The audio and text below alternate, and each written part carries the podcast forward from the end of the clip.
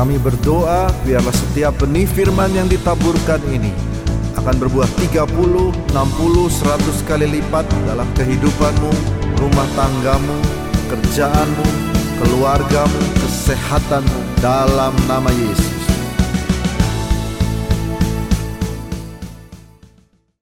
Beri tepuk tangan buat Tuhan Yesus sekali lagi. Sebelum duduk katakan satu sama lain, you look good this morning. Haleluya. Saya mengucapkan terima kasih kepada Pastor Albert, Ibu Intan. Terima kasih atas undangannya suatu privilege yang uh, luar biasa buat saya untuk bisa berada di tengah-tengah jemaat JCC di sini. Puji Tuhan. Silakan duduk saudara. Uh, nama saya Stefanus Elia, sering kali dipanggil Steffi. Saya lead pastor di IFGF Los Angeles, uh, International Full Gospel Fellowship. We are a multi-ethnic and multi-generation church. Dan um, bisa kenalan dengan uh, Pastor Albert dan Ibu Intan melalui uh, adiknya Ibu Intan, Berlian, uh, yang sekarang adalah jemaat kita di AFJFLA. Uh, Berlian cuman vacation uh, beberapa tahun yang lalu, cuman mungkin seminggu kalau nggak salah, terus kemudian kecantol dengan uh, pria yang ganteng ini, namanya John, dia adalah jemaat kami, sehingga akhirnya setelah itu mereka mulai kenalan dan mulai telepon-teleponan dan akhirnya mereka tunangan dan akhirnya mereka menikah uh, maaf sekali saudara jadi berlian kami you know ajak untuk pindah dan menjadi jemaat kami di sana. Tetapi uh, mereka sangat bahagia melayani di sana berdua. Kemarin kita ada acara uh, untuk para couples Uh, itu acara untuk mereka sebenarnya tapi mereka uh, memberikan diri untuk biar kita yang melayani di uh, mereka melayani di tech di belakang di ngurusin lighting, ngurusin slide. So Berlian dan John mereka melayani Tuhan dengan luar biasa dan ini foto Berlian dengan papa uh, mertuanya namanya Bob. Jadi Bob sama John itu adalah jemaat kita di uh, AFJFLA. Puji Tuhan uh, kita menjadi suatu gereja yang Mula-mulanya gereja untuk orang Indonesia di Amerika, tetapi 10 tahun yang lalu ada gereja Amerika yang mau bergabung sama gereja kita. Sehingga akhirnya jemaat kita saat ini multi ethnic, multi generation. Uh, kita itu percaya kita diberikan uh, suatu conviction dari Tuhan bahwa kita itu dipanggil untuk pergi dan menjadikan semua bangsa murid-muridnya Tuhan. Karena itu kami sangat bersuka cita bisa menjadi uh, gereja yang uh, dengan berbagai macam uh, ras dan suku dan generasi. Uh, saya juga memperkenalkan uh, istri saya dan keluarga saya di sini. Uh, istri saya namanya Ellen. Uh, kami telah menikah selama 19 tahun. Uh, kami mulai pacaran bulan Februari tahun 2003. Uh, bulan Juni, beberapa bulan kemudian saya uh, tunangan sama dia, saya propose dia, uh, dia menjadi tunangan saya. Setahun kemudian bulan Juli 2004 kami menikah. Jadi pokoknya cepat sekali semua saudara. Saya uh, prinsipnya seperti Julius Caesar. Vini vidi vici. Saya lihat, saya pikat, saya sikat saudara. Nggak usah lama-lama. Tapi yang penting 19 tahun kemudian saya tidak minggat. Saya masih tetap terikat, setia sampai akhir. Amin. Uh, Zachary is our son, dia umur 15 baru masuk SMA Tahun ini dia saya ajak ke mission trip pertama kali kita pergi ke Kepulauan Riau selama enam hari dan uh, tidak tinggal di hotel, tidur di ranjang tapi tidur di lantai.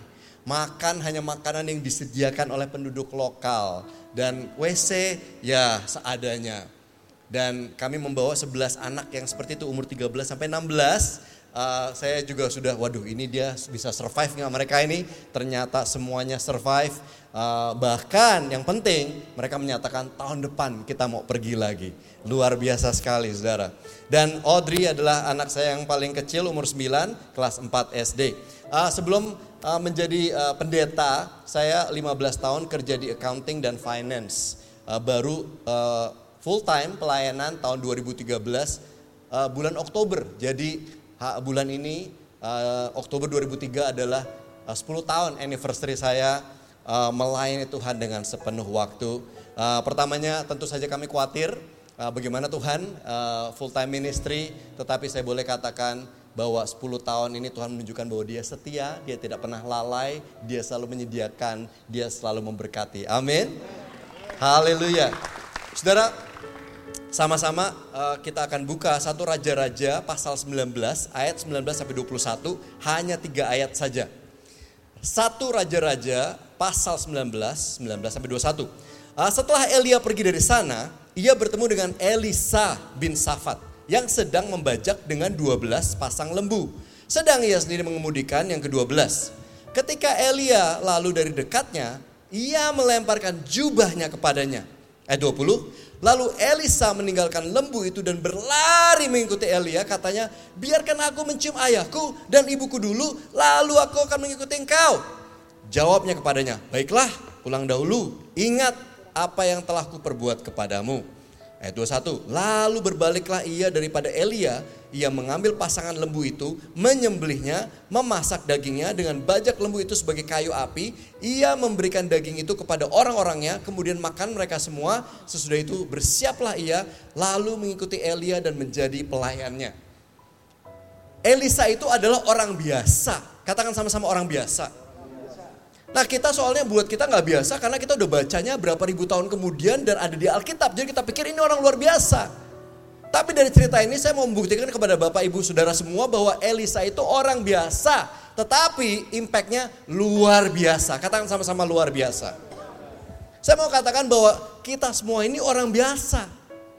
Tetapi kita bisa memiliki impact yang luar biasa. Berapa banyak di atas saudara yang ingin memiliki impact yang luar biasa di dalam kehidupannya? Haleluya. Elisa itu uh, nabi dari perjanjian lama di abad 9 sebelum Masehi. Israel sudah terpecah, Israel dan Yehuda, mereka menyembah berhala, dewa Baal. Elisa itu murid dari Nabi Elia. Yang dikenal memiliki imam yang besar, iman yang besar, berani menantang 400 nabi Baal. Dia dia berdoa supaya hujan tidak turun, hujan tidak turun selama tiga setengah tahun terjadi kekeringan. Kemudian setelah itu dia berdoa lagi agar hujan turun, hujan turun. Tetapi firman Tuhan katakan di Yakobus bahwa Elia itu adalah manusia biasa. Nah demikian juga Elisa adalah manusia biasa.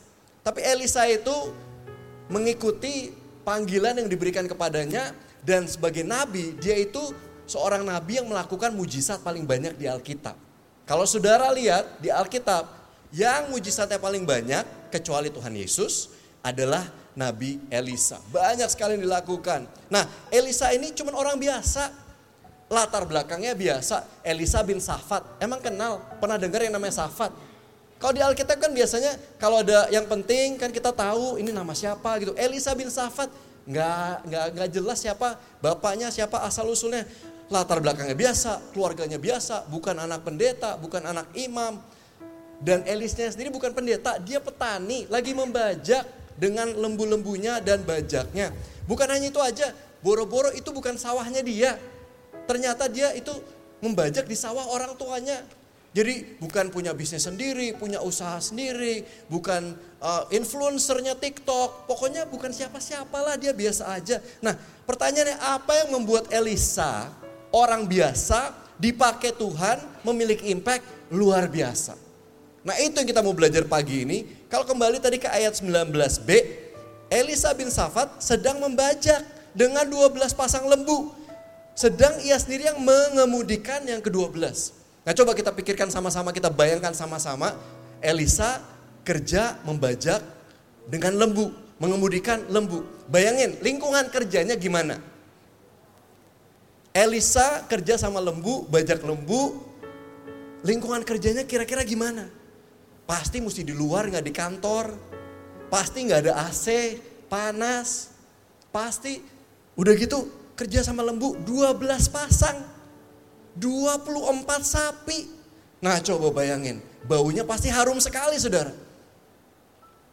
Panas, bau, udah itu kemudian pemandangannya di sini kadang-kadang kita kalau kantor kan, wah pengen kantor yang pemandangannya bagus, di Sudirman, melihat gedung-gedung pencakar langit. Ini pemandangannya duduk dia yang memudikan. Jadi pemandangannya apa? Belakangnya sapi. Nah, tetapi waktu Elia datang mendekati dia, dia didapati sedang ya udah membajak dan mengudikan. Dia kerja keras walaupun itu monoton, bosan, bau, capek. Mungkin ada berapa saudara yang pagi ini merasa seperti itu. Aduh bosan nih dengan kehidupan saya. Gitu-gitu aja, tiap hari sama. Masuk ke kantor, Ya bosnya sama dia lagi. Teman kantornya sama. Gajinya sama. Posisinya sama. Nggak naik-naik. Atau mungkin saudara yang ibu rumah tangga, aduh tiap hari bangunin anak, bikin sarapan, ngantar ke sekolah. Ya udah gitu tiap hari balik-balik lagi. Nah, saya mau katakan saudara, Elisa itu seorang biasa tapi impactnya luar biasa. Prinsip pertama yang kita bisa belajar dari kehidupannya, dari pasal ini adalah satu, dia itu setia dengan perkara kecil. Firman Tuhan katakan kalau kita setia dengan perkara kecil, kita akan dipercayakan dengan perkara yang lebih besar. Dia nggak lagi waktu Elia datang, dia nggak lagi, aduh males deh nih kerjaan ini. Udah bau, di belakangin sapi. Coba pemandangannya apa aja. Kalau di belakang sapi ya udahlah kita nggak usah. Coba pikirkan bukan hanya kotoran keluar, baunya keluar. Tapi dia didapati oleh Elia sedang membajak dan mengemudikan sendiri. Saya mau katakan saudara, Elisa itu orang biasa tetapi dipakai dengan luar biasa karena dia setia dengan perkara yang kecil. Tadi kita mendengar kesaksian luar biasa Pak Petra diizinkan Tuhan mengalami kejatuhan dan mesti mulai dari bawah, mesti bekerja, membersihkan kakus, membersihkan WC. Sama bau itu. Bukan kotoran lembu, kotoran manusia. Tapi Allah menghargai kesetiaan kita. Hal-hal yang saudara anggap remeh, saudara anggap kecil, tapi saudara melakukan dengan setia. Tuhan akan melihat dan dia akan memberkati. Amin. Jadi jangan anggap enteng pekerjaan saudara. Aduh bosan dengan pekerjaan ini, gak ada promosi, gak ada naik gaji. Atau jangan anggap enteng, wah saya cuman ibu rumah tangga. Buat ibu-ibu yang ibu rumah tangga, saya mau katakan jangan pernah bilang, saya cuman. Ibu rumah tangga itu suatu pekerjaan yang sangat mulia. Bayangin semuanya ibu rumah tangga harus ngelakuin dari masak, dari mencuci, dari nyetirin anak, dari ngurusin keuangan, dari ganti popok, ngajarin anak, menghibur anak. Itu udah seperti pekerjaannya CEO yang harus tahu segala-galanya. Jadi jangan menganggap enteng pekerjaan Anda sebagai ibu rumah tangga. Setiap hari mungkin kelihatannya aduh ya gini lagi, gini lagi, gini lagi. Tetapi Tuhan melihat pada saat kita setia dengan perkara kecil, dia akan mempercayakan perkara yang besar. Amin. Ayat 19c. Ketika Elia lalu dari dekatnya melemparkan jubahnya kepadanya. Ini melemparkan, memakaikan. Jubah itu melambangkan kayak covering.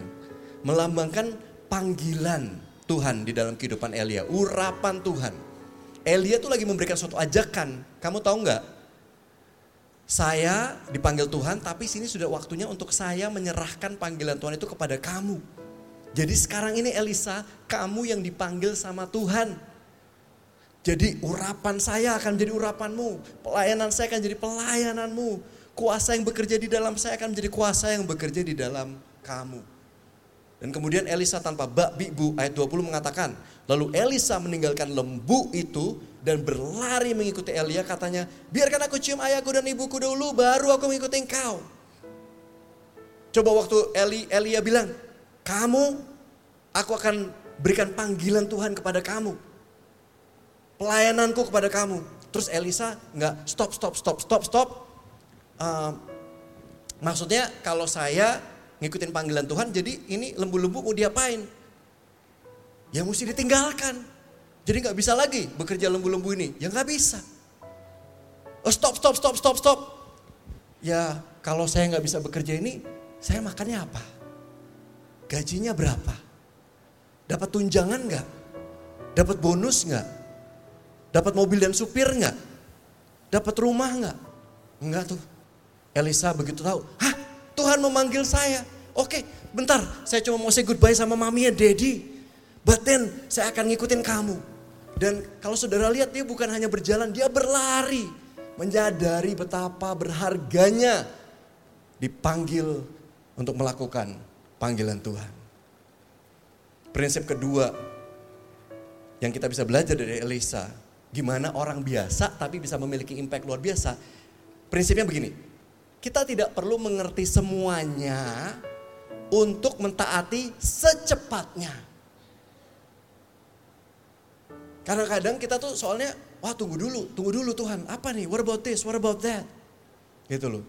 Elisa nggak menjawab, tunggu-tunggu saya doa dulu ya. Saya nggak bilang doa nggak boleh, saya pendeta, masa saya bilang doa nggak perlu. Konsultasi dulu, oh pikirin dulu panjang-panjang, coba pros and consnya gimana. Ini karena Elisa tahu dia mendengar panggilan Tuhan.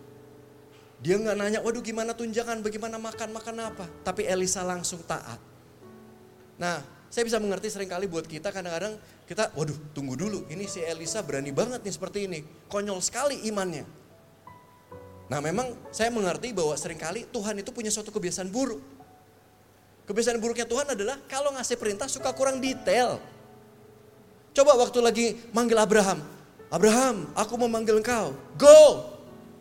Terus ke mana Tuhan? Just go. Uh, tapi ke mana Tuhan? Just go, I'll show you where to go. Saya akan tunjukkan kamu ke mana pergi. Musa juga, go. Ke mana?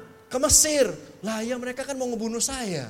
Mereka nyari-nyari saya. Ya just go. Nanti gimana? Bilang apa? Ketemu Firaun. Oh terus bilang apa? Let my people go. Loh yang mana mau Firaun membebaskan. Sama Petrus. Come. I will make you fishers of, fisher of men. Menjadi penjala manusia bukan hanya penjala ikan lagi. Seringkali kurang detail. Saya nggak tahu bagaimana kehidupan saudara hari-hari ini. Mungkin ada saudara yang sudah menikah dan mengalami pergumulan di pernikahannya. Saudara mungkin merasa, aduh saya udah tidak sanggup lagi. Mungkin ada saudara-saudara yang lagi uh, lagi memikirkan, aduh udahlah saya mau cerai aja. Mungkin kata Tuhan pagi ini, stay. Jangan tinggalkan pernikahanmu. Karena aku sanggup menyembuhkan, memulihkan. Aku sanggup mengubahkan segala sesuatu. Mungkin ada di antara saudara yang udah kerja, udah lagi aduh ini kerjaan udah gajinya nggak naik-naik, promosi nggak dapat-dapat, bosnya juga nggak enak, perusahaannya juga pelit. Dan saudara mungkin lagi memikirkan, ah udahlah saya mau berhenti aja. Mungkin Tuhan katakan, stay. Karena aku mau melakukan sesuatu Aku mau memakai kamu di situ untuk menjadi alatku. Saudara percaya nggak bahwa Tuhan itu adalah bos kita? Memang sulit kita kita percaya itu karena Tuhan nggak kelihatan. Tapi kalau saudara percaya bahwa Tuhan itu bos kamu, bos Anda, saudara percaya nggak bahwa kalau Tuhan lihat waktunya untuk naik gaji, dia akan berikan naik gaji itu. Bos mau sepelit apa pun, Tuhan akan bisa gerakan hatinya. Waktu orang Israel lagi mau keluar dari Mesir, Musa dikasih perintah sama Tuhan. Tolong bilang sama orang Israel. Orang Israel suruh minta sama orang Mesir, minta perhiasan emas dan perak mereka. Aku akan membuat mereka bermurah hati. Ya udah, orang Israel minta, lo ini udah mau kabur, udah mau pergi, uh, sumber tenaga kerja mereka udah bakal hilang, masih minta emas, minta perhiasan, Siapa yang mau kasih? Ternyata Tuhan memberikan mereka bermurah hati sehingga mereka dikasih banyak perhiasan dan emas. Saudara percaya bahwa bos Anda itu adalah Tuhan dan kalau sudah waktunya untuk promosi dia akan memberikan kepada saudara. Saudara yang percaya katakan amin. Nah Tuhan memang kadang-kadang suka ngasih perintah detail, kurang detail. Tapi kalau Tuhan sudah mengatakan sesuatu, mari kita laksanakan dengan taat. Of course, Make sure itu suara Tuhan, bukan suara perasaan kita. Nah kadang-kadang memang sulit membedakannya, tapi terus berdoa.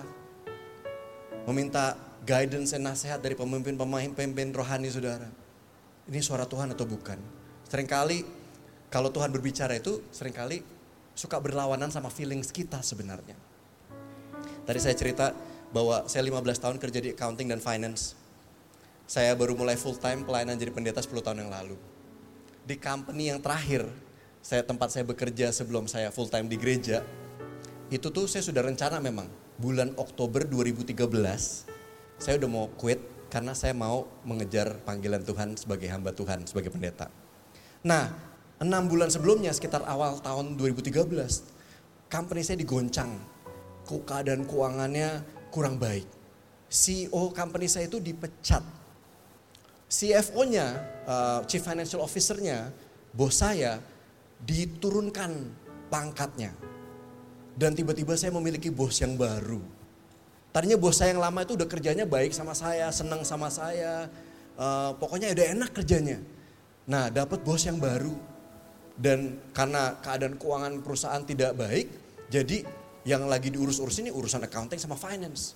Jadi departemen saya, saya dan staff-staff saya itu lagi diselidikin dan dia nggak percaya sama kerjaan kita, dianggap kita malas, dianggap kita tidak kerja sungguh-sungguh. Wah, nggak enak sekali. Beberapa bulan sebelum uh, saya kerja menjadi hamba Tuhan itu um, keadaan di kantor nggak enak jujur saya udah mau quit. Sudah tiap hari itu saya telepon dari kalau lagi jam makan siang saya telepon sama istri saya, aduh saya udah nggak tadi, saya lagi mau, saya udah mau, saya udah mau quit aja, boleh nggak? Istri saya bilang tidak bisa. Kita tidak keadaan keuangan kita tidak mampu untuk kamu nggak punya pekerjaan. Aduh gimana saya udah nggak seneng. Ya sudah. Sekitar empat bulan sebelum saya full time, uh, Oktober kan saya mau full time, sekitar bulan Mei, bulan Juni, tahu-tahu ada rekruter kontak saya. Tiba-tiba dia kontak saya tanya, eh ini ada lowongan pekerjaan, cocok dengan kualifikasi kamu, pengalaman kamu cocok. Coba kamu mau nggak? Terus saya pikir, aduh saya udah gak suka sama kerjaan saya saat itu. Udahlah saya pergi pergi interview. Udah saya pergi interview. Empat kali sama empat orang. Menunjukkan bahwa company itu mulai tertarik sama saya. Yang terakhir saya ketemu CFO-nya company itu. Nah setelah udah wawancara sama empat orang, rekruternya tanya lagi sama saya, mereka ini udah mau mengasih uh, tawaran pekerjaan sama kamu, kamu bakal ambil nggak? Terus saya ngobrol sama istri saya, terus saya doa, kita doa. Jawabannya, jangan diambil. Aduh Tuhan saya udah mau quit, stay. Akhirnya dengan berat hati saya telepon rekruternya, maaf saya nggak bisa ambil kerjanya. Wah rekruternya marah. Gimana kamu kita udah saya udah urusin ini semua udah sampai empat empat kali interview. Aduh ya maaf banget maaf banget. Ya udah. Selama tiga empat bulan terakhir itu wah itu adalah suatu masa yang sangat sangat sangat sulit.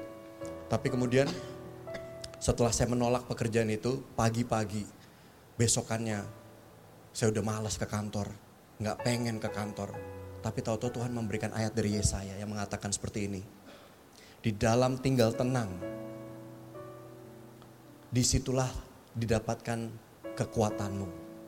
Di dalam tinggal tenang dan percaya, di situlah kamu akan mendapatkan kekuatanku. Jujur pada saat itu kerjaan saya sejak punya bos yang baru itu komplain terus soal dia. Sama teman, sama istri, sama semua, sama staff saya sendiri komplain soal dia. Begitu Tuhan kasih ayat itu saya tahu, Steph just shut up. Be quiet.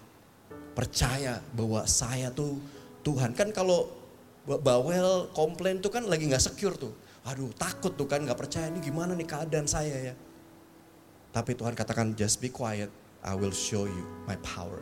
Ya udah, gara-gara dapat ayat itu, saya datang ke kantor dengan lebih semangat lagi. Saya meeting sama staff saya. Mari kita lakukan yang terbaik, kita bikin kerja sebaik-baiknya, kita do our best. Udah, tiga bulan kemudian waktunya saya untuk uh, apa resign, kasih saya punya resignation karena saya udah mau menjadi hamba Tuhan, mau menjadi pendeta kan. Udah saya udah kasih, aduh saya mau kasih notice bahwa saya udah bakal nggak kerja di sini lagi. Tahu-tahu CEO-nya datang ke kantor saya, tutup pintu, terus saya pikir kenapa nih? Kok tutup pintu? Am I in trouble? Terus CEO-nya bilang gini, Kenapa kamu mau berhenti? Kamu tahu nggak? Bos kamu tuh sekarang suka sama kamu. Dia tuh senang sama kamu dan staff kamu, kerjaan kamu. Pokoknya kenapa kamu berhenti sekarang? Terus aku jelasin, ya saya soalnya memang sudah lama mau menjadi pendeta dan saya sudah memang merencanakan untuk uh, ini. Bener kok saya nggak quit gara-gara bos saya itu. Saya quit karena Tuhan manggil saya. Terus akhirnya CEO-nya bilang, iya uh, saya melihat kamu tuh seorang pemimpin yang gak banyak ngomong. Tetapi kamu memimpin mereka dengan diam-diam, dengan quiet. You lead them quietly. Dia bilang gitu. Dari situ saya mendapatkan konfirmasi, itu memang firman yang saya dengar beberapa bulan yang lalu adalah dari Tuhan. Di dalam tinggal tenang dan percaya, di situlah terdapat kekuatan dari Tuhan. Amin saudara. Kita tidak perlu mengerti semuanya untuk mentaati secepatnya. Waktu itu Tuhan bilang stay, ya udah saya stay. Amin.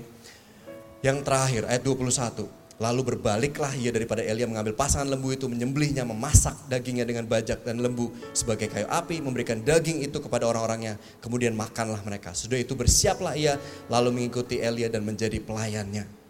Coba saudara lihat, lembunya dipotong, dibakar dan dimasak, bajaknya jadi kayu api. Itu berarti dia udah gak ada backup plan lagi tuh. Begitu dia meresponi sama panggilan Tuhan, dia udah gak bisa lagi balik, bekerja lagi karena dia percaya, ya sudah. Kalau memang sudah Tuhan yang memanggil, dia akan merawat, dia akan memelihara saya. Yang terakhir kita belajar, bisa belajar dari Elisa adalah tinggalkan kenyamananmu untuk memenuhi panggilan Tuhan. Step away from security and step toward your destiny. Kalau memang benar Tuhan yang sudah menyuruh melakukan sesuatu, percayalah. Betapapun sulitnya pernikahan saudara sekarang, tapi kalau Tuhan bilang, jangan, stay. Aku akan ubahkan istrimu, aku akan ubahkan suamimu. Percaya bahwa memang saudara, wah lebih aman nih, lebih enak, lebih nyaman kalau saya udahlah, saya udah males, udah gak tahan sama dia, cerai aja. Tapi tinggalkan kenyamanan. Penuhi panggilan Tuhan. Tuhan sudah memanggil saudara dan, dan, dan pasangannya sebagai satu di dalam Tuhan. Tidak boleh dipisahkan oleh manusia. Di dalam tinggal tenang dan percaya, dia akan bekerja tanggalkan kenyamanan untuk memenuhi panggilan Tuhan. Amin. Elisa orang biasa menjadi memiliki impact yang luar biasa karena dia setia dengan perkara yang kecil. Yang kedua karena dia tidak perlu mengerti segalanya, semuanya untuk mentaati secepatnya. Yang ketiga, Elisa berani meninggalkan zona kenyamanan untuk memenuhi panggilan Tuhan. Mari kita bangkit berdiri dan berdoa. Bapak di surga terima kasih Biar firmanmu ini menjadi rema buat kami semua. Tolong agar kami boleh menjadi pelaku-pelaku firman. Tuhan walaupun khotbah ini sudah berhenti untuk disampaikan tapi roh kudus tidak pernah berhenti berbicara. Karena itu terus berbicara kepada kami. Di dalam nama Yesus kami berdoa dan mengucap syukur. Semua percaya katakan haleluya amin.